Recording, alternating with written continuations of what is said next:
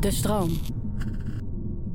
Mijn gast vandaag is Rowanne van Forst. Hij is antropoloog, schrijver, voorzitter van de Dutch Future Society. Hij geeft les aan de universiteit hier in Amsterdam. En ze heeft een ontzettend mooi boek geschreven, of interessant boek vooral, met zijn zessen in bed.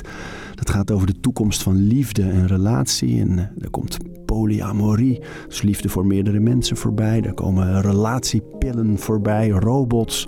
Nou, het kan niet op. Ik dacht, die moeten we hebben. En ik ben in zo'n bordeel geweest waar er gewoon zo'n pop voor je klaar ligt. Wat is een mens zonder houvast in zijn manier van leven? En ieder heeft een handvat en eigen rituelen. Orde in je hoofd zodat alles te overzien is. We praten over routines. Toen dacht ik, grappig. Ik ben hier de enige die het niet met iemand van jullie heeft gedaan. Jullie doen het allemaal met elkaar. We praten over routines. Met z'n zessen in bed. Ik zag die titel en dacht meteen, wow. Hoe dan? Ja, waarom heb je die, die titel nou gekozen voor dit boek? Nou ja, omdat met z'n zessen in bed is wel een beetje een overdrijving. Maar uh, het boek gaat over de toekomst van de liefde. En een van de trends waarvan heel erg wordt gezegd dat die gaat uitbreiden. En ik ben het daar niet helemaal mee eens. Ik ben daar wel een beetje kritisch over in het boek. Um, is polyamorie. Oftewel van meerdere mensen tegelijkertijd houden. En daar ook een gezin mee stichten. Dus echt letterlijk in dit geval, bij deze mensen waarbij ik veldwerk deed, ja, die lagen wel eens met z'n zes in bed. Oh man, vertel eens over dat veldwerk. Hoe kom je bij mensen die met z'n zes een relatie hebben? Ja, dit was ook wel zelfs binnen de polyamore uh, beweging, zeg maar, of or organisatie bijna. Want je hebt ook wel uh, praatgroepjes op uh, Facebook en je hebt kroegentochten met polyamore mensen. Die waren allemaal wel onder de indruk dat ik bij dit gezin nou juist mocht zijn. Want het komt niet zo heel vaak voor dat ze ook echt met elkaar leven. Met zoveel mensen is het natuurlijk ook vind maar eens een huis. Ja. Met genoeg slaapkamers. Zes volwassenen. Zes volwassenen. Um, ik heb gewoon heel veel rondgevraagd. Dus eigenlijk hoe ik normaal werk is... ik begin met het... ik heb een dubbele achtergrond. Dus ik ben antropoloog en ik ben futuroloog, zou je kunnen zeggen. Ja. Uh, ik heb een PhD behaald in de antropologie. En daarna heb ik me professioneel laten trainen, omscholen... tot dat ik goed toekomstscenario's kon bouwen en doordenken voornamelijk. En dat klinkt altijd heel hocus pocus en het is niet zo heel erg hogere wiskunde. Het is gewoon met heel veel mensen praten, heel veel lezen en wat sensitiever worden voor trends die je om je heen ziet. En dan zodra ik een aantal van die scenario's heb geschetst, dan gaat mijn antropologische hart aan en dan ga ik kijken, ja, maar hoe voelt dat dan als dat straks op grotere schaal daadwerkelijk gaat gebeuren? Hoe is dat voor de individu en hoe is het voor de samenleving? En nou, polyamorie kwam er heel duidelijk uit, want daar moet je naar kijken. Dat is gewoon een van de dingen die wel eens vrij snel zich zouden kunnen gaan uitbreiden, dachten een hoop experts. Ja, dan ga je, in mijn geval, ga ik dan maar gewoon rondvragen. En dan heb je een snowball-methodologie, helpt, heet dat. dus dat je naar het eerste gezin gaat. En als die merken dat je oprecht bent en daar echt wel dagen of weken lang op bezoek wil komen om te observeren hoe dat gaat. Zo. En dat klinkt een beetje raar van iemand zitten op Maar ik zit daar natuurlijk ook gewoon boterhammetjes te eten en met die kinderen te spelen en zo. Dus op een gegeven moment, je hebt zoveel mooie gesprekken. Dan weten zij wel weer een koppel wat ook iemand nog een lange relatie heeft met iemand buiten de deur. En uiteindelijk kwam ik bij dit prachtige gezin terecht. Zo ja. Ja, want voordat we echt je dag induiken, die grotendeels lijkt, maar ook bestaat uit research en, en, en lezen en vast allerlei routines en rituelen. Maar nog, nog heel even over precies die mensen? Want zijn met z'n zessen. Wat is de man-vrouw verhouding? Ja, ik heb, op, uh, ik heb een website laten maken en ik heb um, iemand die zelf ook polyamoreus is en een prachtige kunstenaar, heb ik tekeningen laten maken. Dat noem je polyculen. Uh, en in een polycule kan je zien hoe dat nou precies zit. Want anders raak je ook, als je leest, raak je bijna de draad kwijt. Dan denk je, wie is er nu met wie? Dus er zitten uh, vrouw-vrouw relaties in. Er zitten biseksuele relaties in. Er zitten twee mensen in die samen een kind hebben, maar zich niet verliefd op elkaar voelen. Dus die zeggen, wij hebben er wel voor ons leven voor gekozen om graag samen een kind te willen. We zijn denk ik samen hele goede opvoeders, maar niet uit liefde. Uh, meer uit een hele ja, vriendschapsoverstijgende liefde misschien zou je het kunnen noemen. Um, dus ja, ik zat daartussen op een gegeven moment te eten. En dan dat dochtertje zo eronder, onder de tafel.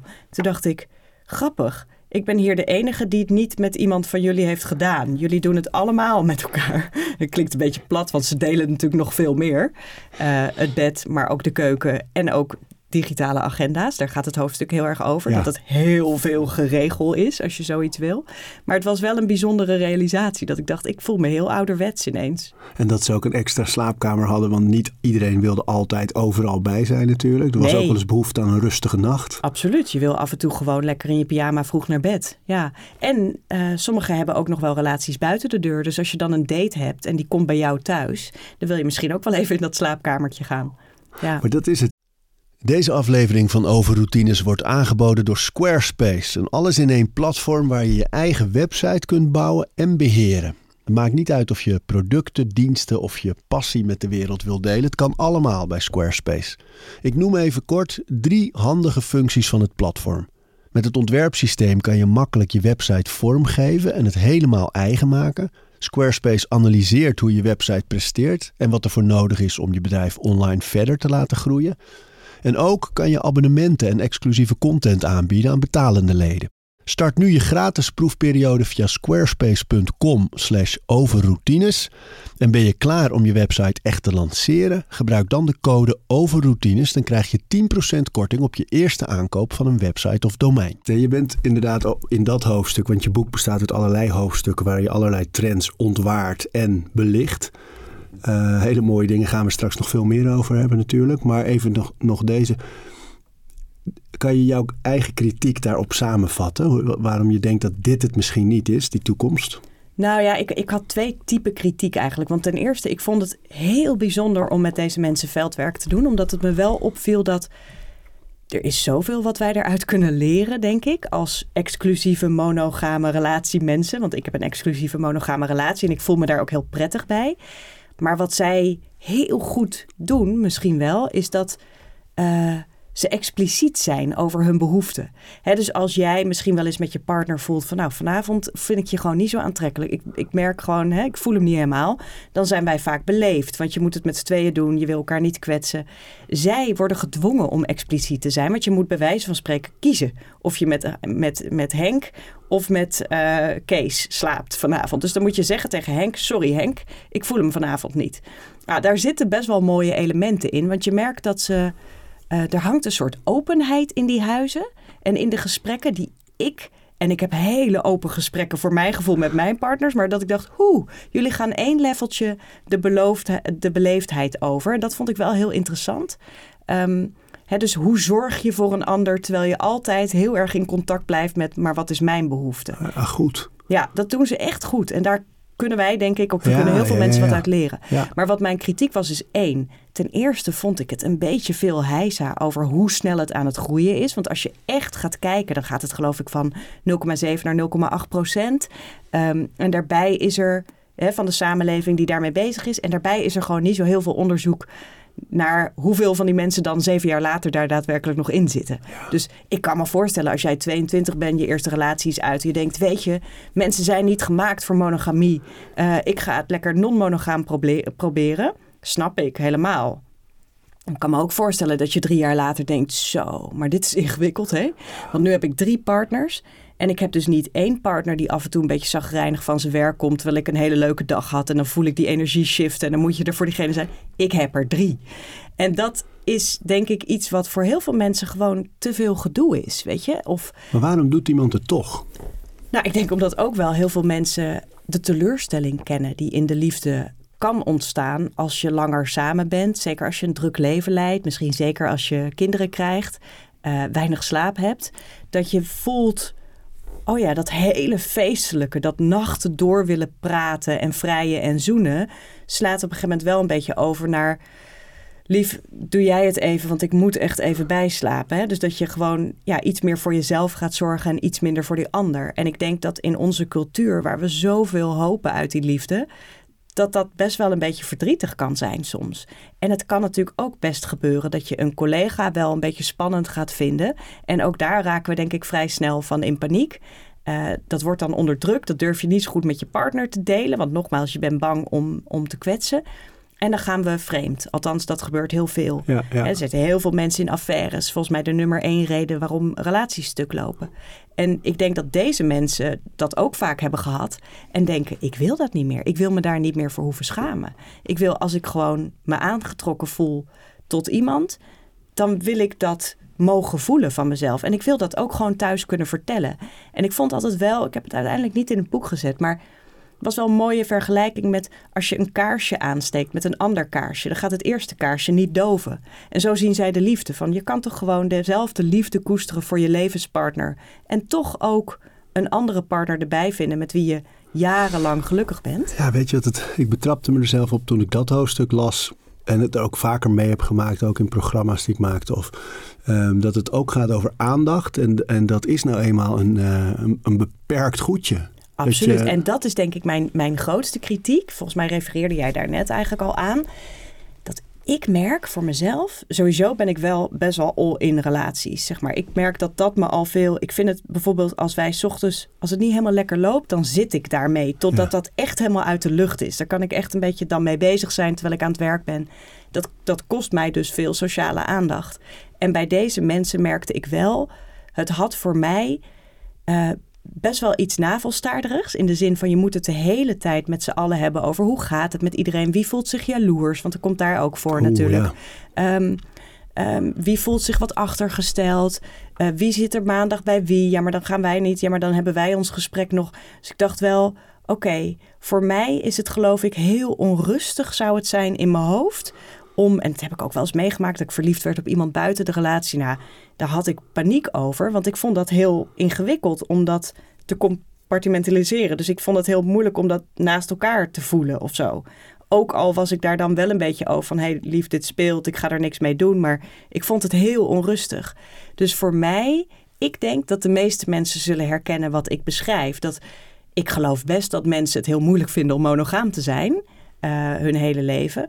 Maar ik geloof ook dat als je echt in een fijne relatie zit, dat het best heel ingewikkeld is om die aandacht zo te verdelen dat het niet afgaat van ja, wat je hoopt uit de eerste relatie. Ja. En stiekem vond ik dat soms ook wel dat bij polyamore mensen de grenzen tussen echte diepe vriendschap en oh liefde wat verstrijken. Hè? Dus dat ze ook wel zeggen van ja, maar we, we vertrouwen elkaar zo, we hebben het zo fijn.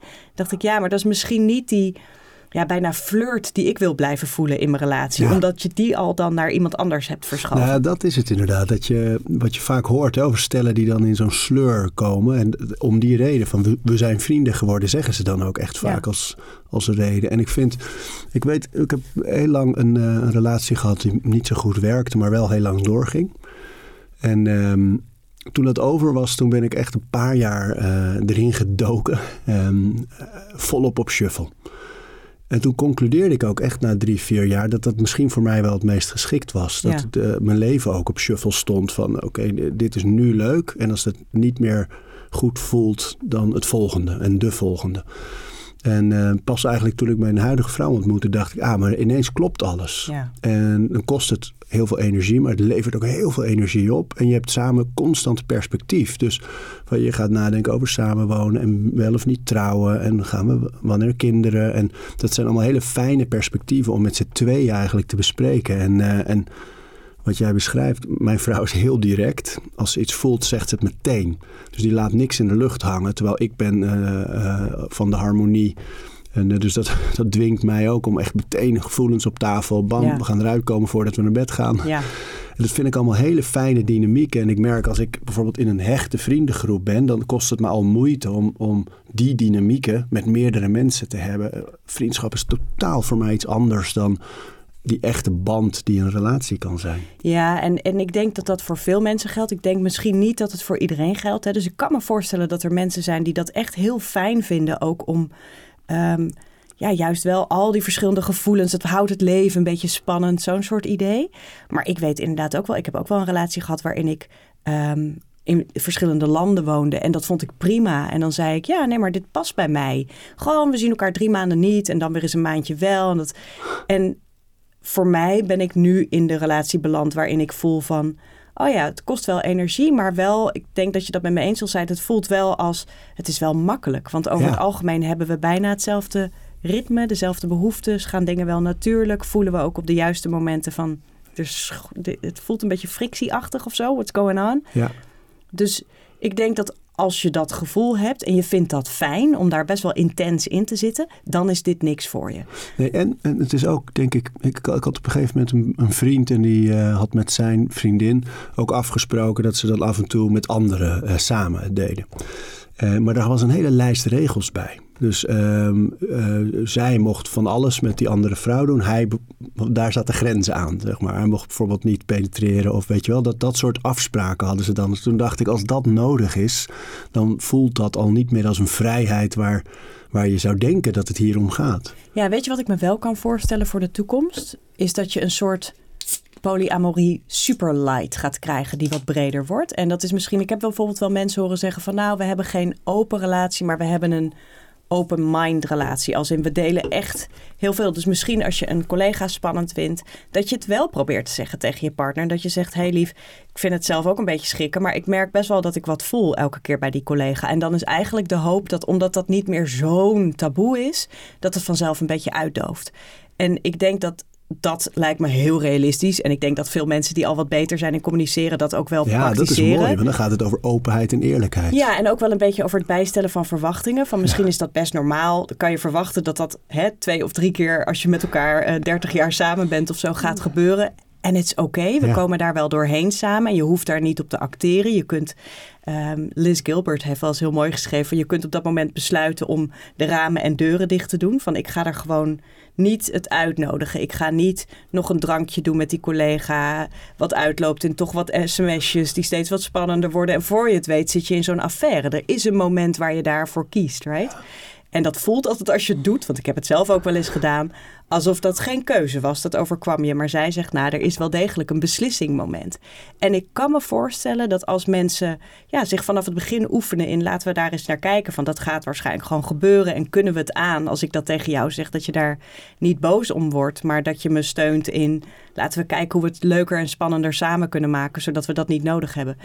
Ik geloof wel dat je van verschillende mensen tegelijk kunt houden, overigens. Ik denk alleen dat het voor jou en mij waarschijnlijk heel moeilijk is om dat allemaal op dat moment nog te balanceren. En bij mij kwam er ook nog eens bij dat ik dacht: Jeetje, ik vind mijn leven echt al best wel druk. Ik heb een fulltime baan, ik heb een babydochtertje, ik heb een relatie waar ik veel uithaal. Er is veel tijd voor gezellig samen eten, wijn drinken, praten.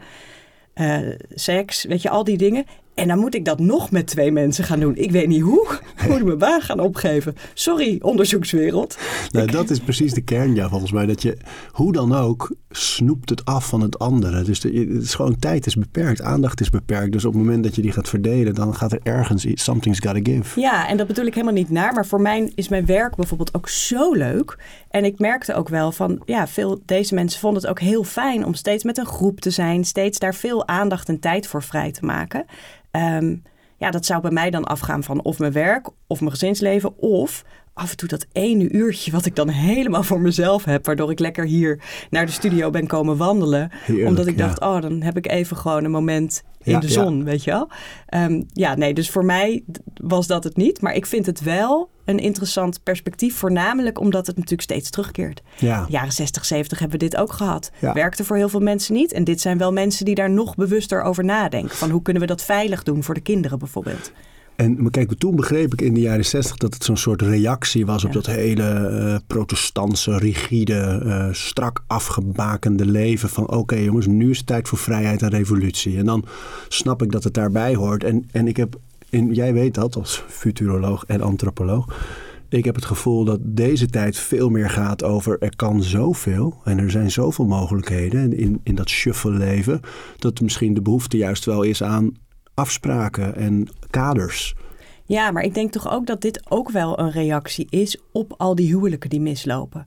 Weet je, en ik denk dat er veel huwelijken mislopen omdat we het gewoon heel moeilijk vinden om met elkaar te praten. Of omdat je het überhaupt niet zo goed snapt wat er in jezelf gaande is. Niet iedereen kan dat. Ik denk wel dat een, een generatie die nu opgroeit daar al veel meer mee in check is of zo. Ik hoor heel vaak kinderen die dat al leren of die met meditatie bezig zijn. Ja. Of die kunnen aangeven hoe hun lijfje voelt of zo. Maar ik denk wel eens van jeetje, als ik dat op mijn achtste al had gekund, had ik dat op mijn dertigste niet op allemaal retreats hoeven te gaan oefenen, weet je wel. Maar ik denk dat het voor mensen best lastig is gewoon om te leven en te zijn. En we willen wel graag, maar dan komt het leven ertussen. En dan komt het steeds, wordt het een wat narriger gesprek. En soms loopt dat heel naar af. En ik denk wel dat die teleurstelling zich heeft vertaald in mensen die zeggen van nou wij gaan dat anders doen, we gaan het opengooien. En ik ben het met jou eens. Hè, een van die hoofdstukken gaat ook wel over de, de dating app cultuur. Ja. Die natuurlijk fantastische voordelen heeft. Ik bedoel, als je in een dorp woont en je hebt echt maar drie meisjes in je straat wonen, die vind je alle drie echt helemaal niks. ehm, dan kan je nu met veel meer meisjes communiceren over de hele wereld. Of als jij non-binair bent of transseksueel, zet je het gewoon al in je biotekst. En dan weten mensen precies waar ze aan beginnen. Hoef je dat niet awkward uit te gaan leggen, wat het voor heel veel mensen dan toch is. Dus ik zie daar ongelooflijk veel voordelen in. Ik zie er ook heel veel nadelen in. Want het belooft zo'n snoepwinkel. Die dating apps, die verkopen hoop. Dat is het enige wat ze verkopen. En het laatste wat zij willen is dat jij bij de eerste, de beste swipe, dat je denkt, dit is de man of de vrouw of alles wat er tussenin is van mijn leven. Want dan ben je die app uit, weet je wel. Dan hebben ze een klant verloren en ze willen je data verkopen. Dus wat zij doen is steeds jou laten denken van, ja maar de volgende. Ja maar er zit misschien nog iemand die net, ja deze is wel heel knap en ook wel grappig, maar misschien net niet slim genoeg. En, eh, en het geeft ook iets heel raars, rationeels. Dat je, je moet boxjes, je moet jezelf omschrijven. Terwijl wij weten niet precies waar we op vallen. Dat is juist het leuke, dat ontdekken, toch? Ja. En het lijkt ook een beetje het thema van die brainwash eh, waar je in zat, hè, die aflevering. De, Ja. Maar dat ging dan meer over social media. Ja, Voordat we aan je dag beginnen, want dat gaan we echt doen zo. er komt een ja, dag. er is zoveel, er is zoveel. En Zo voelen mijn dagen vaak ook hoor. Dus dit is heel eh Nou, dat vind ik ook zo'n mooi onderwerp. Je, dat je zo geconfronteerd wordt met het leven van derden voortdurend. En helemaal als die derde iemand is die je kent. eh, of waar je misschien iets mee gehad hebt. Of zelfs waar je iets mee hebt. Weet je wel? En dat je met dat leven steeds weer geconfronteerd wordt. Dat doet ook iets met onze relaties. Hè? Nou, absoluut. Ik ben nu bezig aan een nieuw onderzoeksvoorstel. En ik heb er net een kleine grant voor. Maar daar, daarin bekijk ik inderdaad bijna meer. Het gaat dan meer over samenwerken met AI bijvoorbeeld. Maar alsof die AI ook een eigen ding, een eigen agent is bijna. Want die doet iets met ons. Ik bedoel, als je het nu uitmaakt. Ik heb nog steeds wel eens heb ik nummers van exen waar ik helemaal niks meer mee wil. En ik heb nog wel eens mezelf erop betrapt dat ik dat op dat WhatsApp-fotootje klik. Om even te zien hoe ze er. Ik weet niet wat dat is, maar dat is toch gek dat je dat doet. Of dat je inderdaad op social media, terwijl je helemaal niet meer. Maar je gaat toch even kijken of iemand iets nieuws op zijn Instagram of zo. Waarom doen we dat? Nieuwsgierigheid, denk ik. En ook wel. eh, ik, ik blijf het altijd zelf een heel gek iets vinden dat je. Je deelt heel veel in een relatie met elkaar. Liefde, maar ook vriendschap en ook een huishouden misschien. Of dromen en plannen. En dan gaat de liefde voorbij. En dan moet je al die andere dingen eigenlijk ook afbreken. Omdat dat vaak te pijnlijk wordt voor een van de twee of voor allebei. En toch blijft dat misschien soms nog wel een beetje trekken. Van ja, maar hoe gaat het nou eigenlijk? Ik zou nog wel eens gewoon één koffietje met je willen doen of zo. Dat gevoel. Alleen ja, dan blijf je elkaar zien. Laat staan als diegene inderdaad verliefd werd op iemand anders. En je toch wil kijken hoe leuk die man eruit ziet. Weet je wel, Dat- dat- er is iets, ja, een soort willen weten hoe dat gaat. Controledrang, denk ik ook. Eh, stiekem misschien ook wel hopen dat het meevalt. Dat het toch een verkeerde beslissing was. Er zit ook wel ego in. Maar dat had je natuurlijk vroeger veel moeilijker. En dat maakte een breuk wel makkelijker bijna. Doet evenveel pijn als het uitgaat. Maar Ja, tijd en afstand heelt. mogelijkheden om nog te, voelen en toetsen natuurlijk. Ja. En kijken. Ja, Kijken vooral ook. ja, Ja. ja. En je weet dat de social media niet klopt. Ik bedoel, iedereen die het gebruikt weet dat het niet klopt. Dat er filters worden gebruikt. Of dat je zelf in ieder geval vanuit een leuke hoek fotografeert. En toch vinden we het heel moeilijk. Dat blijkt ook wel uit onderzoek. Dat weet je van jezelf. En toch denk je bij anderen dat ze er net wat minder aan hebben gesleuteld dan waar is of zo. Hè? Ik bedoel, qua hoek bijvoorbeeld. Of dat ze er toch een beetje. Dus we beoordelen onszelf altijd wat harder dan anderen. Vinden dus dat die er altijd wat leuker uitzien. Ehm, dus het is, het is niet heel prettig. En je ziet ook wel een nieuwe generatie nu opstaan die. eh, ja, dat noemen ze dan filter anxiety. En dat zijn kinderen, eh, tienerkinderen, de 12 bijvoorbeeld. En die schamen zich voor hun huid omdat ze zo opgegroeid zijn met de gefilterde, shopte huid van Instagram. Ehm, dat zij eigenlijk niet meer goed kunnen begrijpen dat het oké is dat zij gewoon een wat rommelige huid hebben. Wat we allemaal, hè, de meeste van ons hebben dat. Bijna niemand heeft echt een perzikhuidje. Eh, en zelfs dan glimt die misschien nog wel eens. Of heb je een keer een rood puntje ergens zitten. zie je allemaal niet met die filtertjes. Hij gooit hem er bijna als vanzelf overheen. Zeker bij meiden die hun geld verdienen als, als influencer. Dat moet je ook doen. Dat is helemaal visual. Maar dat moet je doen door het net wat mooier te maken. En voor jonge kinderen is dat blijkbaar toch moeilijk te eh, te onderscheiden. Dus die schamen zich. En dat het verfrissend is geworden als je dat niet doet. Dus Ja. dat, je, dat je gewoon laat zien zoals het is. Ja. En dan nog is het natuurlijk een, een- een fragment van een leven. Maar dat kan wel eerlijker zijn dan, dan vaak gebeurt. Ja. Nou, ik heb dat zelf wel toen ik moeder werd, heb ik dat wel interessant gevonden. Want ik zag toen inderdaad, eh, je moet best een beetje wennen. Zo van je, je lichaam veert weer terug. Dat is fantastisch. Je bent zwanger geweest, je hebt een bevalling doorgemaakt. Nou, en dan merk je hè, dat je lichaam even wat tijd nodig heeft voordat het helemaal terug is geveerd of zo. En ik ben een, eh, een, een, een fanatieke, niet als in ik ben heel goed, maar ik vind het vooral heel leuk eh, sportklimmer. Dus ik hou wel echt heel erg van bewegen en van trainen ook. En ik klim eh, hier in de hal en in het buitenland wel buiten op de rotsen. En ik merkte, ja, dan moet je je buikspieren moeten weer een beetje terugkomen. Je mag dat allemaal niet meer doen.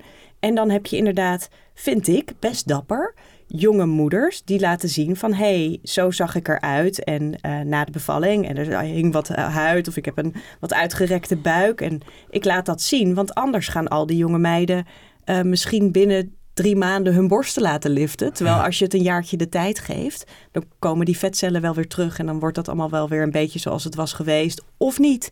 Maar dan zie je in ieder geval dat dat best normaal is bij een vrouwenlichaam. Dus ik vind die beweging best wel interessant in sociale media. En ik denk dat ook dat die waardevol kan zijn. Soms wordt het ook een beetje. Je had ook zo'n periode dat je al die mensen, de YouTubers, massaal zag gaan huilen. Ja, Die gingen ja, dan die juist de camera zo. Ja. Er zit natuurlijk ook daar zit Ja. wel een soort van.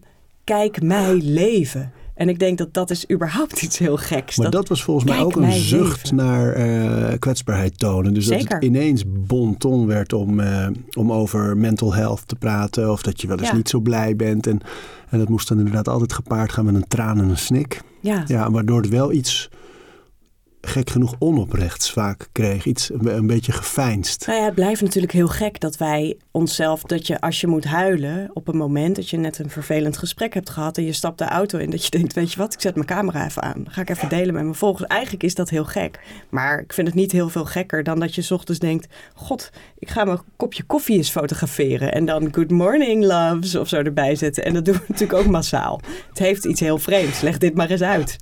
Doet dat iets qua als je naar de toekomst kijkt met ons? Dat je dus bij, heel vaak nu bij ervaringen denkt, oh dit moet ik vastleggen. Min of meer bijna alsof de gedachte is, dit moet ik vastleggen, want dan bestaat het echt. Van echte ervaringen. Ja, ik denk wel dat we dat. ehm, ik denk dat we soms onderschatten hoe snel we daarin veranderen of zo. Dat je, hè, je merkt nu wel dat. Dat komt ook wel. Nou, twee dingetjes. Dus uit onderzoek zie je ten eerste dat mensen ehm, zich onrustig voelen als ze niet iets kunnen beleven via de camera. Dus als jij naar een concert gaat, dan zie je tegenwoordig al die telefoontjes omhoog. En als je zou zeggen tegen mensen dat mag niet, dat gebeurt wel eens bij concerten dat een zanger dat zegt van "We- ben hier nou eens gewoon, leg die telefoons weg. Dan krijg je dat mensen dat eigenlijk zonde van het moment vinden. Dat is natuurlijk heel grappig. En tegelijkertijd als ze zich daaraan overgeven, dat ze het gevoel hebben dat de muziek intenser wordt. Dus je, bent meer in het moment. En dat zegt wel iets over wat ons brein aan het doen is. Blijkbaar ben je aan het multitasken op het moment dat je ook iets via de computer gaat beleven. Of als jij op straat loopt en eigenlijk is er al een oog wat denkt... Ik zie ik een mooi Instagram plekje. Weet je wel, is dit een leuk portiekje waarin ik kan gaan zitten? Dan ben je dus niet aan het zijn, maar dan ben je aan het nadenken en strategeren. Dus dat is één ding waarin je kan zien dat die hersenen zich al een klein beetje aan het aanpassen zijn. Of in ieder geval onze vaardigheden wat aangepast worden. En een tweede, en die vind ik zelf altijd wel pittig om te lezen, ehm, is dat je ziet dat de nieuwe generatie kinderen minder goed zijn dan jij en ik in het aflezen van gezichten. En dat komt omdat zij minder vaak gezichten in het echt hebben gezien, maar meer over scherm. En wat dat doet, is jouw intuïtie werkt gewoon minder goed over scherm. Dat weet iedereen die in Zoom-vergaderingen heeft gezeten met zijn staf of met zijn team. Je merkt gewoon dat ik probeer altijd heel gezellig met mijn onderzoekers te zijn. Maar je merkt wel, het is iets meer awkward. Het duurt net iets langer voordat iemand wat zegt. Er vallen net iets meer stiltes. En dat komt omdat je bij wijze van spreken, ik kan niet jouw pupillen zien verwijden. Ik ruik niet dat je misschien een heel klein beetje onbewust, hè, allemaal dit, maar transpireert of dat je wat sneller gaat ademen. En dat zijn allemaal dingen die ik normaal met mijn intuïtie zou oppakken. En dan weet ik precies, volgens mij wil Arie wat zeggen. Ja, je voelt dat. ja. Je voelt Ja, het. Ja. En nu dus eigenlijk net iets minder Je goed. kijkt ook niemand in de ogen aan, want als je... Nee, je kijkt naar jezelf. Ja. Dat is de grap. Je Ja. zit naar jezelf te kijken de hele tijd. En je, je ogen gaan heen en weer tussen jou en jezelf.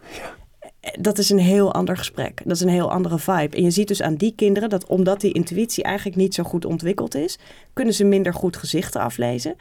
En dat is echt wel naar, omdat door gezichten af te lezen kun je empathisch worden. Kun je voelen wat iemand nodig heeft. Kun je misschien medelijden krijgen omdat je denkt... oh, je bent niet naar, je bent gewoon een beetje zenuwachtig.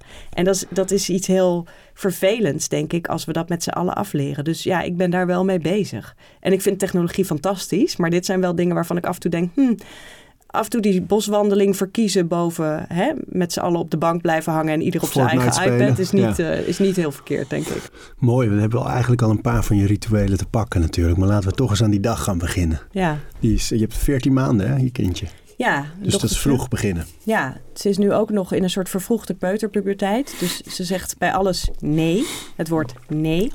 Um, heel gezellig. Nee, ik ben op zich, dat is ook wel, denk ik, uh, als je ouder wordt van een kindje, dan is het een beetje afgelopen met het hele idee dat je ochtends is eerst lekker een dubbele latte en dan met je journal en dan nog eens naar buiten en dan nog 27 yoga oefeningen. Nee, het is gewoon aan. Um, en ik ben ochtends eigenlijk wel op mijn best. Als in, ik vind half zes vroeg. Zij wordt om half zes wakker en zij slaapt sinds drie dagen door. Maar daarvoor niet. En was echt nog wel vier keer per nacht eruit. Dus die voel, je, die voel ik ook om half zes. Maar eigenlijk ben ik ochtends blij en heb ik zin in de dag. En um, zou ik normaliter, als ik niet mijn kindje bij me heb, zou ik dus daarin wel iets van journalen of wat gedichten lezen. Of soms een mooie roman lezen. Vind ik ook prettig om mee te beginnen. En waarom begin je met zoiets? Het liefst, als het kan. Ja, omdat het me weghoudt nog een beetje bij mijn werk. En omdat het me een beetje een, uh, een beetje een te populair gebruikt woord, maar uh, een gevoel geeft waar het eigenlijk over gaat of zo in het leven. Dus in plaats van gelijk te worden meegenomen in mijn digitale agenda en allemaal e-mails die binnenkomen, dat ik merk dat ik dan inderdaad dat ene zinnetje eruit haal. Dat ik denk, oh ja, zo voelt dat precies of zo. Dus dat heeft dan toch een soort verbindend gevoel, denk ik, op zo'n moment. Um, of ontroerd raken of uh, schrijven in mijn journal vind ik vaak prettig. Doe ik ook niet rigide, maar ik ben wel een schrijver. Doe het veel als ik op reis ben. Doe het veel als ik tijd over heb.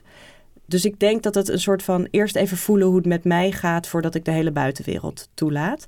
Maar nu zit er een heel klein grupje tussendoor, wat gewoon s ochtends hap, hap, hap roept totdat we er meenemen. Dan ga ik meestal al naar boven. Um, blijft Michael, mijn partner, nog eventjes liggen. Of hij komt ook uh, even later naar boven.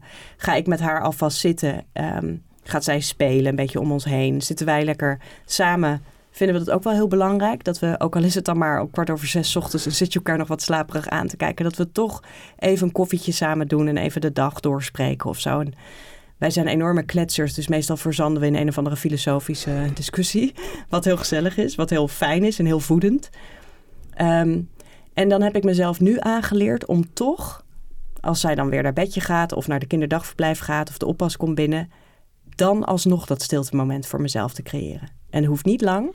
Maar wel voordat ik dan uit een soort haastgevoel direct achter de laptop kruip en de wereld over me heen laat vallen. Dat ik dan toch eerst even, al is het maar even rustig een planning of wat vind ik vandaag belangrijk of um, ben ik oké, okay, voel ik onrust, weet je, dat ik, er, dat ik dat er even uitschrijf. Even scannen. Heel even scannen. En dat gaat allemaal helemaal niet op een meditatiekussen of zo, maar ik doe dat wel gewoon. Of ik begin met een wandeling. Um, uh, met een mooie podcast. En dat doe ik dan ook niet over iets waar mijn werk over gaat, maar meer iets wat ik voedend vind op dat moment. Ook een beetje een onderwerp waarvan ik denk, oh, dat voelt wel alsof ik er naar wil luisteren. Oh, en dat klimmen? Dat klimmen zit er tussendoor. En ik probeer mezelf toe te staan om dat ook overdag te doen. Uh, toe te staan, omdat ook ik ben opgevoed toch in een cultuur. Dat is heel grappig. Ik denk dat er heel veel wetenschappers zijn, of ondernemers, of schrijvers, of kunstenaars die kiezen voor dat beroep deels ook omdat ze denken: ik wil niet uh, hè, van 9 tot 5. En vervolgens gaan we allemaal van 9 tot 5 heel braaf achter onze computer zitten. En voelt het toch een beetje alsof je spijbelt als je dat niet doet. En dat vind ik nog steeds heel geestig om aan mezelf te merken. Dus ik moet altijd mezelf een beetje motiveren door te zeggen: het is niet alleen dat het mag. Het is dat het goed is voor het denkproces, wat ook echt zo is. Ik denk dat als je denkwerk doet, dan kan je dat niet acht uur geconcentreerd doen. Dus je moet een soort hele ja, werkelijke break of zo, waarin je echt wat anders aan het doen bent. En voor mij is klimmen dat zeker. Want ik heb eh, best hoogtevrees, wat mensen altijd grappig vinden. Dus het houdt me absoluut lang. erbij. Ik ben lang. Ehm, dus ik, ja, ik ben daar gewoon twee uur heel geconcentreerd mee bezig en met plezier. En ik daag mezelf uit. Nou, dan kom ik terug en dan neem ik een kop koffie. En dan kan ik echt wel weer drie uur heel geconcentreerd nadenken over iets. Maar over het algemeen probeer ik mijn ochtenden denkwerk te doen. En dan smiddags journalisten binnen te laten komen, studenten, PhD-studenten. Dat ik, dat ik interacteer, maar dat ik de ochtend voor mezelf hou. En het klimmen zelf, hè? De, de- wat is de reden dat je dat bent gaan doen? Ik had een, een ex-vriendje die het deed en die heeft me daarbij ge- geïntroduceerd. En eigenlijk was ik gefascineerd door het feit dat niemand zo bang was als ik. Dus ik keek daar in die hal om me heen en ik dacht, ik zie gewoon mensen schaterlachen. Weet je, terwijl ik vond het wel heel cool eruit zien, maar sorry. Het is heel onnatuurlijk voor je lichaam om te voelen, als jij op 20 meter hoogte hangt, dat je los kunt laten of dat je kunt vallen. En natuurlijk, je valt niet dood, want je hangt aan een touwtje. Maar je bungelt aan een touwtje. En er is iemand en die houdt, die zekert jou, dus die houdt het andere eind van touw vast, maar die moet niet zijn handen loslaten. Nou is dat met autorijden natuurlijk ook zo. Je moet je ook niet gaan denken als je aan het rijden bent van, als ik nu het stuur loslaat, gaat het mis. Want dat, dat klopt. Maar je lijf is getraind om dat niet te doen, in principe. En met klimmen bleef dat voor mij, ik merkte dat me, ik ging zo trillen en draaien en het werd een beetje zwart voor mijn ogen. En toen ben ik het gaan vragen aan andere klimmers. En die zeiden, ja, dat heb ik ook allemaal gehad in het begin. Maar ik heb daar wel copingmechanismen voor gevonden. En bij de meesten verdwijnt dan de angst op een gegeven moment. Bij mij is dat nooit gebeurd, maar hij is wel veel milder geworden. Dus ik ben wel moediger daarin geworden of meer in vertrouwen. Maar ik, heb het nog steeds, alleen is het niet meer zo vervelend. Ehm, wat ik prachtig vind aan het klimmen is dat het is een soort puzzel die je op moet lossen. Dus je moet heel goed leren voelen hoe je je lijf positioneert, bijna als een soort dans, zodat je in balans blijft.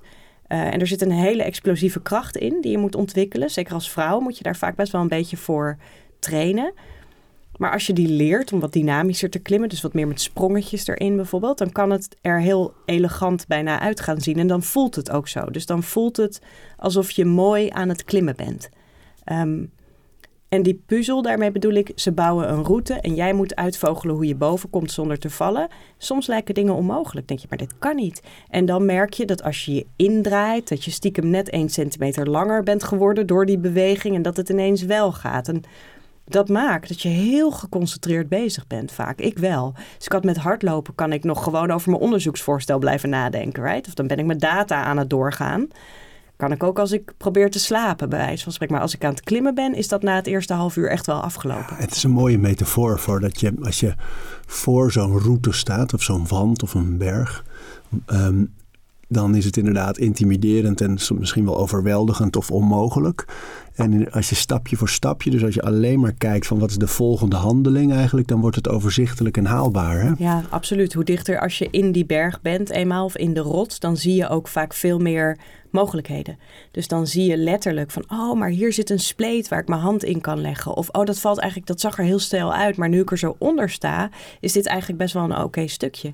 En het is ook wel een sport waar ik me heel stoer door ben gaan voelen. Dus ik was al wel, dat ik vanaf mijn achttiende heb ik eigenlijk wel overal ter wereld gewerkt en veldwerk gedaan. Ook wel in conflictgebieden in mijn eentje en zo. Maar dit was, hier ging ik dan ineens met een klimmaatje.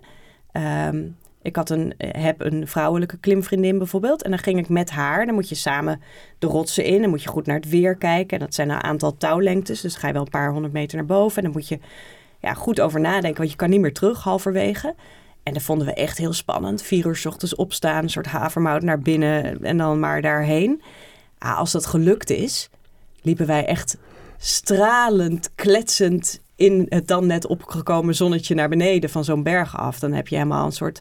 Je krijgt daar wel zelfvertrouwen van. Je moet heel veel handelingen zelf uitvoeren. Je moet nadenken, je moet knopen leggen, je moet inschatten.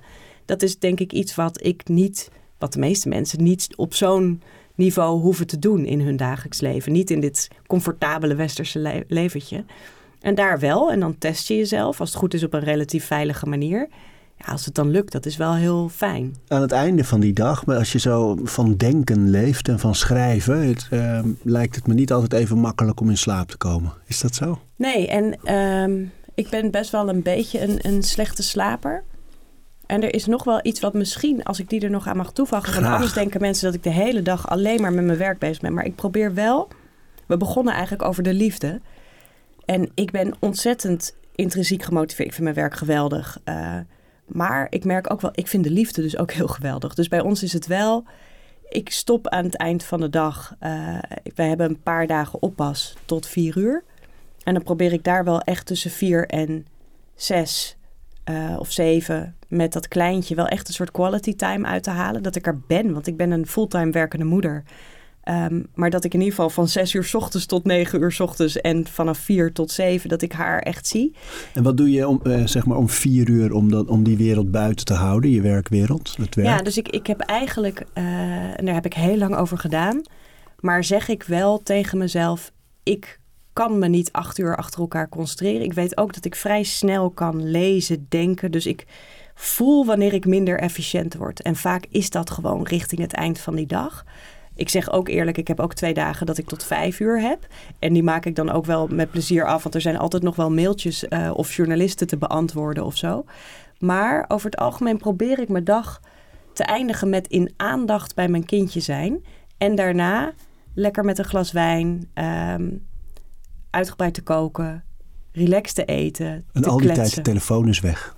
Zoveel mogelijk probeer ik. En de grap is ook wel, dat is ook. Ik weet niet of je dat herkent, maar ik heb daar wel mee geworsteld dat ik het en-en probeerde. En soms Ja. moet dat. En dan merk ik dat ik daar zo moe van word. Want dan ben ik niet met aandacht bij mijn dochtertje. En ik ben niet. Ik voel de hele tijd die, Ja, die dreiging bijna niet. van die telefoon. Het kan niet. Zij voelt het ook, dus zij wordt ook jengeliger of zo. Ja. Terwijl als ik gewoon echt met haar ben, is het gezellig. En als ik echt met mijn geliefde ben en we hebben een echt gesprek, is dat ook anders dan dat ik half zit te scrollen. Ja, right? ja. Al is hij maar in de buurt. Hij leidt af. Ja, dus ik probeer hem bij me weg te leggen en dan op geëikte tijden een beetje te kijken of om de twee uur of zo. Maar niet, niet hem de hele tijd bij me te hebben. En je zei, ik zeg tegen mezelf, eh, mijn aandacht is nu op, we stoppen nu met werken. Is dat iets dat je echt hardop zegt of denkt? Nee, maar het is wel een nieuwe manier van denken die ik. Of een nieuwe manier van werken die ik mezelf langzaam heb aangeleerd. Dat het in plaats van de, het automatisme van op uren werken. Van oh, het is pas drie uur, nou dan heb ik nog twee uur. Werk ik op taken. Ah. Dus ik probeer zelfs mezelf te remmen. Zo van. Ik werk bijvoorbeeld als ik aan een nieuw boek werk. Dan weet ik ongeveer van oké, ik wil vandaag dit lezen. En ik wil vandaag samenvatten voor mezelf wat hier nou het argument is. Of als ik een onderzoeksvoorstel schrijf, dan zeg ik van nou, ik wil twee interviews doen met experts. eh, en ik wil dit boek lezen. Nogmaals, ik lees vrij snel, dus dat kan ik van mezelf eisen op een dag. En dan is soms de neiging om te denken: ah, maar dat, ik, ik heb het al af. Dan kan ik nog door, maar dan heb ik eigenlijk moeie ogen en ik ben een beetje murf geworden. En dan probeer ik mezelf dus te stoppen en te denken: nee, ga maar wandelen. Dan heb je een uur voor jezelf nu. Ja, ja. En die vind ik lastig hoor, maar ik probeer hem wel bijna dagelijks mezelf erin uit te dagen. Het kan wel, hè, dat je... Cal Newport heb je van, eh, Ja. van Deep Work. Ja, Schrijver heeft ook nu een hele leuke podcast, Deep Questions. En dat gaat onder meer hierover. En, en die aan het einde van zijn werkdag eh, spreekt hij hardop uit. Iets van eh, all systems down of eh, weet je, Ja. zo'n soort technische term gebruikt hij. Van, maar door dat hardop uit te spreken geeft hij zijn brein ook echt dat signaal van er wordt nu iets afgerond. Het is klaar deze taak en ik ga me nu op iets anders concentreren. Dat vond ik zo'n ja nou, ik, inzicht. ik noem dat wel voor mezelf ook een transitie maken of zo. Dus als je uit je werk komt ehm, en je stapt bij wijze van spreken in je auto en dan loop je direct naar binnen en dan heb je al je kinderen en je partner die een verhaal gaat vertellen, dan helpt het mij heel erg om bij wijze van spreken voordat ik uit de auto stap, om echt wel even de radio uit te doen en te zitten, al is het maar 30 seconden, en te denken: oké, nu stap ik in de rol van partner en daar wil ik met aandacht bij zijn. Omdat het, dan is mijn intentie om een intieme, fijne, relaxte avond te hebben samen of zo. En dat voelt heel anders dan dat ik nog met mijn werk, met mijn adrenaline. Die PhD-student gaat niet helemaal lekker. Die moet echt een beetje doorwerken met zijn PhD. Anders schiet het niet op. Zo kan ik ook binnenstappen. Of bezorgd over een interview wat ik heb gehad. Of narigheid gelezen in, in, in hele eh, vervelende rapporten die ik natuurlijk af en toe moet doorwoekeren. Dus ik probeer daar wel een soort van... En dat gaat vrij ongemerkt in mijn dag. Ehm, en het is nog moeilijker als je thuis werkt. Want dan, maar dan doe ik inderdaad wel echt de laptop dicht. Weet je wel, loop ik die kamer uit en dan ga ik naar mijn kleintje of ik ga naar mijn lief. En dan begint dat deel van de dag. Lukt niet altijd, maar dat is wel de intentie. Dat is een hele duidelijke scheiding tussen, tussen werk en, eh, en thuis. Maar eh, voor dit boek met z'n zessen in bed. En nam je dat werk bewust soms mee. Ik denk nu even aan het hoofdstuk van de relatiepil. Ja, ja, ja, goed. Dat is wel een van de interessantere trends, vind ik ook hoor. Of trends. Kijk, de, de zwarte markt staat nu al vol met uh, pillen en drankjes die je beloven dat je er verliefd weer van elkaar op elkaar kunt worden. Ja, als je in een lange relatie zit of überhaupt verliefd op iemand kan worden. Of die, die relatie beter laten verlopen. Um, dus ik heb wel, ja, ik wilde dat voelen en ervaren. Ik heb wel ook af en toe dat er een doosje kwam met Chinese tekens erop uit China. Dat ik dacht, hm, gaan we dit echt doen? Maar dat gingen we echt doen. En dan... Wat was dat dan? Ja, een ginsengmiddeltje of zo, denk ik meestal. Kijk, meestal kreeg ik er gewoon hoogstens hoofdpijn van of zo. Dan gebeurde er eigenlijk niks. Er zit natuurlijk een enorm... Uh, effect in van als jij anticipeert dat je ergens verliefderig je van gaat voelen of opgewonden, dan heeft dat ook een. Placebo kan ook werken. Ja, als een malle, weet je wel. Dus dat kan zeker. Maar dan, dan is er eigenlijk niet zoveel verschil tussen zo'n pil nemen en misschien uitgebreid gaan douchen of mooie lingerie aandoen of zo. Weet je, het heeft een beetje dat, die vibe. Maar er waren ook wel medicijnen waar nu steeds meer in relatietherapie mee wordt, uh, nog wel illegaal, uh, mee wordt geëxperimenteerd. Ook in Nederland. Er zijn best wel veel psychologen die het doen. In Australië zijn ze bezig met oxytocine. Hier doen ze het meer met MDMA, wat veel mensen wel van feestjes kennen. Ja. Um, ja, en dat werkt. Ik bedoel dat, dat de oxytocine, moet ik toegeven, waar ik me echt ernstig voor schaam, is wel dat ik dat aan de huisarts heb gevraagd. Omdat ik zei dat het niet meer zo goed ging met de borstvoeding. Want dat is de enige manier waarop je dat op recept kan krijgen. Dan krijg je, een, krijg je die, die uh, zo'n zo, zo spuit. Schietreflex, of ja. hoe heet dat? Ja. En dan ging ik vlak voordat er bezoek kwam, waar ik geen zin in had, nam ik op een gegeven moment zo'n snuif. Om even te voelen of ik me dan wat empathischer ging voelen. maar je, uh, oxytocine en die snuif, als een soort spray. Ja. No spray. Ja, en dat is een tijdje geleden, is dat in de, of een paar jaar geleden, kwam dat in de krant. Omdat het het knuffelhormoon. Uh, En dan bleek ook dat mensen die ze dat toedienden, die werden inderdaad wat meer begripvol naar elkaar en, voelden zich gebond met elkaar. Nou, dus dat heb ik zeker thuis uitgeprobeerd. Um, en die dingen werken, weet je. Ik denk ook wel dat daar... Ik mag natuurlijk helemaal geen drugs promoten. Dus ik zeg ook wel heel politiek correct in het boek... laat dat dan testen. En, en, en als je hier en hier gevoelig voor bent, moet je het niet doen. Maar als een jaarlijkse APK want wat er gebeurt, en voor sommige mensen onder begeleiding en mensen die daar wat meer ervaren mee zijn, gewoon zelf. Wat er gebeurt is dat je, ja, je, je defense valt iets naar beneden. Dus dat gevoel bijna wat je kan voelen als je in zo'n... Soms heb je dat. Dan ga je met je partner, denk je dat je een hele leuke avond ingaat. En dan gaat een discussie, gaat een verkeerd paadje in. En dan kom je er niet meer uit. En dan wordt het een beetje zo verkeeld, steeds harder op... lukt niet meer, dan kom je er ook niet meer uit. En dat heb je eigenlijk een beetje tegenovergestelde. Dus je verzacht het is allemaal niet zo uh, spannend meer. Dus zelfs als iemand zou zeggen van ja, ik vind dat gewoon heel moeilijk als je dat zo doet, dan zeg je ja, ik begrijp dat echt. Ik begrijp dat je dat. En dat is best wel helend. Is het zo dat in de wetenschap inderdaad veel meer ruimte daarvoor is? Dat je, ik denk aan uh, flashbacks van Timothy Leary, dat boek, ik denk 50, 60 ja. jaren, die echt experimenteerde met LSD op uh, patiënten.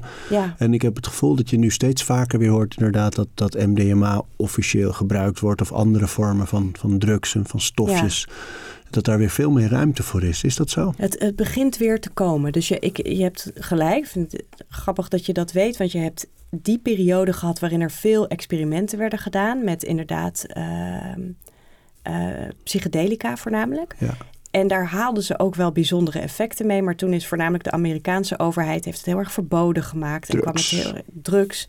Um, waren bang voor het verslavende effect. En de grap is met psychedelica, dat is niet verslavend er is niemand die zo'n LSD-trip maakt en die de volgende ochtend zegt: Wil ik nog een keer? Weet je, het is heel zwaar. Je gaat acht uur een reis maken. Um, wat je nu ziet, is dat ook daarmee worden wel hele mooie experimenten gedaan voor mensen die uh, heel depressief zijn.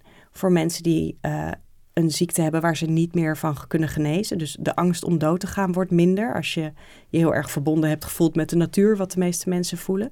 Dus er komen, uh, ketamine wordt nu veel gebruikt als eigenlijk een heel erg ja, schijnbaar goed werkend middel voor mensen en onderkeurige begeleiding. Hè? Dus dit is niet happy, happy, joy, joy met z'n allen op een feestje. Het is gewoon, je gaat naar een laboratorium en dan krijg je een oogmasker op en dan krijg je iets toegediend. En dan maken mensen contact of ze voelen een soort rust in zichzelf die ze wel meenemen.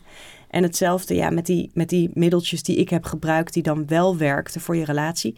Kijk, het maakt niks goed wat nog niet goed is. dus als ik niks voor jou voel en jij niks voor mij, dan is het gelukkig niet zo dat als wij een drankje drinken, dat we ons ineens helemaal verliefd voelen. Dat is een soort dat tech-optimistische denken dat je verliefdheid kunt nabootsen. Maar we weten nog helemaal niet wat bewustzijn is. Dus we weten ook niet wat verliefdheid is. Weet je, we kunnen dat niet zomaar opwekken. Je kan wel een soort opgewonden gevoeletje opwekken of zo. Ja, of een band. Ik weet nog in de tijden dat ik vroeger wel eens MDMA nam, dat je dan bijvoorbeeld een feest binnenkwam uh, en, en op de wc zo een beetje zo knikte naar iemand. Hoi. En diezelfde persoon dan drie kwartier later tegenkwam als dat die, die MDMA was opgekomen. En gewoon echt, hey, jij van de wc weet je nog? Ja, en knuffelen. En, ja. Dus er ontstaat natuurlijk wel iets wat, wat op een band lijkt. Nou ja, en daarom mijn, mijn APK-idee. En, en luister, dat, dat kun je ook doen door gewoon de tijd misschien nemen, uh, te nemen samen. En te zeggen, laten we eens heel eerlijk een paar punten doorheen. Maar ik denk dat als je een moeilijk punt doorheen, stel dat er een affaire is geweest. Stel dat er iets is wat heel pijnlijk is voor beide partijen. Dan kan het zomaar misschien wel helpen in zo'n relatietherapie. Dat kan ik me wel voorstellen. En inderdaad, het lijkt erop alsof er weer iets meer ruimte komt al was het maar omdat we hebben geleerd dat alles wat je heel erg illegaal houdt, ja, dat gaat een beetje de donkerte in. Het wordt moeilijker te checken. Uh, je krijgt veel zwart werk erin. Dat is allemaal niet zo fijn. Dus, dus dit is een trend waar we denk ik heel waakzaam op moeten zijn. Van je moet niet net als ik allemaal Chinese dingetjes bestellen die je niet kan lezen en die je niet kan begrijpen. Je moet goed in je achterhoofd houden dat het meeste gewoon commercieel onzin spul Spanish is. fly-achtig. Ja, het is gewoon onzin. Het is gewoon bedoeld om veel geld te verdienen. En het is nogal een mooie gelofte van neem dit en je sleur is ineens voorbij. Je wordt weer helemaal verliefd op je partner. Dat wil natuurlijk iedereen. Dan hoef je ook niet polyamorie te gaan oefenen, weet je. Je kan gewoon een pilletje nemen. Maar er zit wel wat in, denk ik. En ik zie dat wel groeien de komende tijd, zeker. Een andere trend is die van robots. Ja. Die, uh, als, ik heb daar ook wel eens een docu over bekeken van die Japanse poppen. Die levensechte uh, robotachtig. Ja, maar ja. ook droevig. Heel naar. Ja, ik ging het dus ook proberen en ik dacht nog, ik, ik, hè, want een van de trends die dan, je hebt David Levy en dat is een, een vrij bekende wetenschapper en die zegt echt, nou in 2050 heeft één op de tien jongeren heeft gewoon seks met zo'n pop. Uh, sekswerkers worden totaal overgenomen door poppen. Ehm, we gaan er ook relaties mee aan. Ik dacht, nou oké, dan ga ik dat toch maar ehm, ook onderzoeken. Dus ik ben daarvoor naar het buitenland gevlogen. Want je hebt al van die poppenbordelen, een stuk of veertig, overal ter wereld. En wat voor landen? Dit was in Oostenrijk, uh, Spanje, Amerika, de UK. Uh, eh, in Nederland hebben we het geprobeerd, maar de sekswerkers vonden die vonden nou, en de sekswerkers vonden ze te zwaar, want ze zijn oh. gewoon zwaar en je moet ze elke keer wel weer schoonmaken. Dus die vonden het niks. Maar ik vond het, weet je, kijk, ik denk dat er niche groepen zijn die dat inderdaad zullen gebruiken. Denk aan, stel dat jij als gevangene death row hebt en het gaat nooit meer lukken met een echt mens of zo. Ja, dan is het natuurlijk gewoon een soort exclusieve opblaaspop van vroeger. Daar had je ook die mannen op die boten die dat dan deden. Ja, je moet er zin in hebben, maar als het blijkbaar echt zo hoog zit, misschien ben je twintig hormonen alle kanten op dat je denkt van dat moet. Um, Misschien ook wel mensen die het echt heel moeilijk vinden om contact te maken. Dus je hebt natuurlijk wel aandoeningen waarbij je zo verlegen bent. Of dat het misschien kan helpen, bijna als een soort oefening. Om dan eerst daarmee te durven of te kijken wat je fijn vindt. Ik denk dat dat hele, hele kleine nichegroepen zijn. En ik moet ook wel eens academische papers daarvoor beoordelen. En er worden wel experimenten gedaan met, um, nou ja, pedofilie bijvoorbeeld. Van ja, kan je dan die mensen, als het bijna onbedwingbaar is, kan je ze dan een, ja, helaas, het is heel naar, maar een kleinere pop oh, geven. en daar is dan de discussie van nee, nee, nee, straks zet je ze aan tot meer of zo. Hè? Dus dat zijn hele nare uh, discussies. Maar jij hebt zo'n echt zo'n bordeel bezocht. Ja, ik heb zo'n bordeel bezocht. En Hoe ik is heb, dat? Uh, ik heb twee keer zo'n pop ontmoet. Zeg maar, eentje was in een bordeel. En eentje was bij een asexuele vrouw. Zij woont in Nederland en zij heeft zo'n pop omdat ze zei: Ja, voor mij is het heel moeilijk om een romantische relatie te hebben. Want iedereen vindt het me allemaal leuk. Ze is een prachtige vrouw, super slim, leuk, sociaal. Maar ze wil niet vrijen. En dat is toch iets wat de meeste mensen gaan missen in hun relatie. Dus voor haar was het tijdens de lockdowns een manier om te kijken: van, Zou ik me dan wat minder eenzaam voelen? Um, dus ben bij haar bezoek geweest. Vond ik heel ontroerend eigenlijk wel. Ja. En ik ben in zo'n bordeel geweest waar er gewoon zo'n pop voor je klaar ligt. En ik moest mezelf al een beetje moed inpraten van gaan we dit nou doen? Ik vind het een beetje... Uh, ja, niet heel aantrekkelijk. Maar ik dacht, nou, uh, doe eens een beetje modern. Ja, precies. Kom op, weet je wel. Wie slim wil zijn, moet uitproberen en zo. Maar um, ik dacht van tevoren, het is misschien een beetje uit de hand gelopen dildo bijna. Maar het is een Madame Tussaud pop die inderdaad levensecht is. Die daar dan op je ligt te wachten, die verder niet beweegt, die niet zegt. En daar moet je dan een soort van avontuurtje mee gaan beleven. Nou, dat, dat lukte mij in ieder geval totaal niet. Ik nee, had het geen blijft kans. toch een beetje solo. Het voelde, het voelde hoogstens als, ja, kan Ja. ik me voorstellen dat het als zelfbevrediging voelt. Ehm, en ik vond het vrij eng, juist omdat ze zo eng echt eruit zien. En wat ik heb gedaan is twee uur voor die pop betaald en daar gewoon een beetje naast gelegen, een beetje hardop liggen fi- filosoferen. Ik dacht ook wel van ja, weet je, de grap is, ze worden steeds beter. Ze gaan op een gegeven moment zinnetjes uitspreken, doen ze al een beetje. Ze gaan misschien verschillende standjes kunnen. Ze gaan eh, eh, kunnen ademen, de huid wordt warmer, allemaal dat soort dingen, adembeweging maken. Maar wat ze niet kunnen is je verrassen, want je bepaalt zelf de settings. En ik denk in de meeste liefdesrelaties, je helpt elkaar groeien. Dat is een beetje als je een levenspartner uitkiest. Dat, en dat betekent soms dat jouw vrouw een hele directe opmerking maakt waar je niet op zit te wachten op dat moment, maar waar- waarvan je later denkt, ze heeft wel gelijk. En dan waardeer je er toch heel erg. Of dat ze ineens iets heel liefs onverwacht dat je denkt, wauw, ben je toch bijzonder, je verrast me zo. En zo'n pop, ja, die doet precies wat ik leuk, lekker, aantrekkelijk vind, bij wijze van spreken. Dus ik dacht, ja, ik geloof toch niet. Voor de meeste mensen is het misschien een soort van makkelijk iets van, nou, is toch lekker geen gedoe. Heeft altijd zin als jij zin heeft. Doet precies wat je leuk vindt. En precies dat is denk ik het probleem. Ik Ja. denk dat je in de liefde verrassing nodig hebt. Ja, joh. En ik heb dat zo in die periode van 2008, 2009, toen die hele discussie over de seksualisering van de samenleving woedde, maakte ik een programma over seks, eh 40 dagen zonder seks, om eigenlijk uit te zoeken wat dat betekende in de, de levens van twintigers die heel veel seks hadden. Als je dat weghaalt, wat, wat blijft er over? Welke rol heeft liefde, trouw, intimiteit? Ehm, en toen merkte ik heel sterk dat wat heel veel ehm, toen twintigers eh, waren gaan doen, is nadoen. Dus ze, je kijkt porno, je ziet dat er over borsten heen gespoten wordt en dat ga je dan ook doen. Ehm, en er zat heel weinig eigen signatuur. Dus, eh, en terwijl eh, in mijn tijd, en dan kon je Wolkersreed lezen misschien, of, eh, of ergens in boeken kon je iets vinden. En als je mazzel had, was er een bouwkeet waar, waar blaadjes lagen om nog eens iets te zien. Maar Ja. verder was er niks. Dus ik moest heel erg zelf bedenken, zelf fantaseren. Als ik iets las, of het was heel erg een eigen onderzoek. En je ook moest wat vind- voelen. Je moest ook ja, voelen Wat vind ik lekker? seks, wat, ja. ja. Nou, en ik denk, kijk, sowieso denk ik wel dat als je opgroeit, eh, dat mensen dat herkennen. Dat je, eh, veel jonge vrouwen doen dat denk ik ook. Die kennen hun eigen lichaam nog helemaal niet zo goed. Dan ga je al seks hebben met iemand anders, dan ga je de porno queen uithangen. Zonder dat het werkelijk lekker is. En dan misschien richting je dertig denk je, oh, maar zo werkt het eigenlijk veel meer voor mij. Ook hoef niet zo hysterisch te doen. Oh, kan gewoon allemaal. Ja.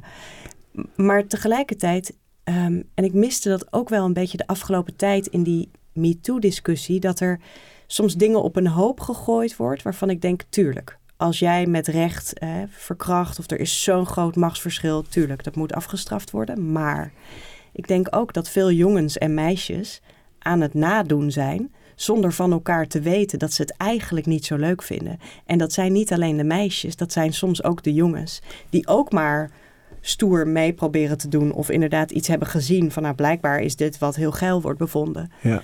Terwijl als de gemiddelde vrouw daar misschien eerlijk over zou zijn, zou ze zeggen, nou ik wil het eigenlijk veel zachter of dit hoeft niet per se van mij of het tempo mag van mij omlaag, want daar reageert mijn lijf beter op.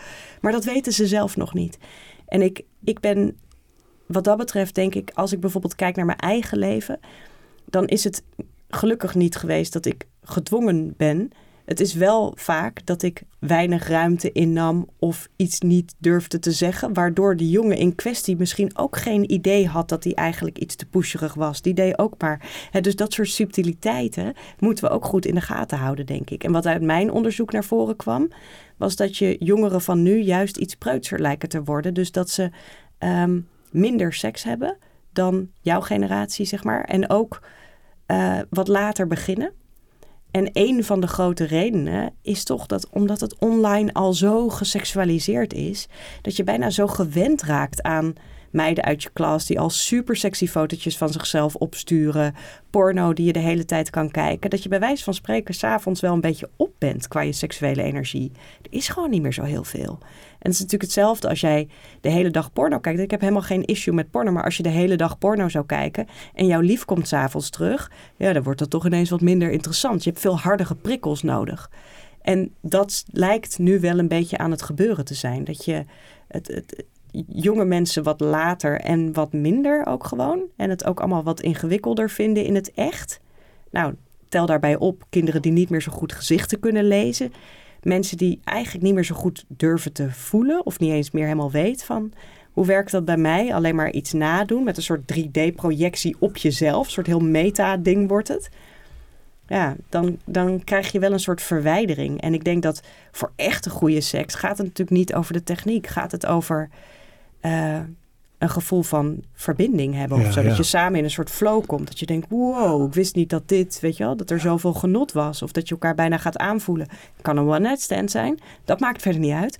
Maar het is in ieder geval niet dat je op een metaniveau naar jezelf ligt te kijken. Of je wel sexy zit en of je je borsten wel op een Instagram-achtige manier naar voren genoeg duwt. Weet je wel, dat is toch redelijk afleidend. En dat is wel aan het gebeuren. En dat is eigenlijk jammer. Ja, man. Ja. Is er een antwoord op? Een, een, een antidoot? Nou ja, ik, ik vond wel, weet je, ik begon uh, misschien gewoon heel wetenschappelijk ge geïnteresseerd aan het boek. En ik kwam er eigenlijk wel meer achter van, we mogen best wel trots zijn op die liefde. Of we mogen hem best wel naar voren halen. En ik denk niet dat het voor iedereen romantische liefde is trouwens. Ik denk ook dat hele diepe vriendschappen extreem belangrijk zijn voor mensen.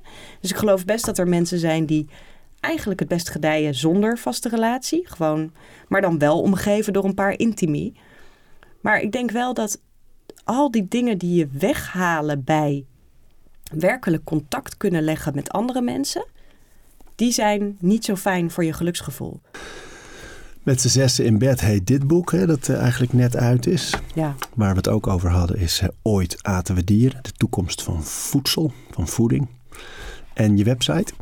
rowannevanvorst.com. Ja, en daar staat echt veel op alle artikelen, zowel wetenschappelijk als vanuit de krant. Uh, ja, het is een beetje een zootje, zou je ook kunnen zeggen. maar, maar jij brengt het positiever. Ja, nee, de, de, de, de toekomst is de gemene deler daar.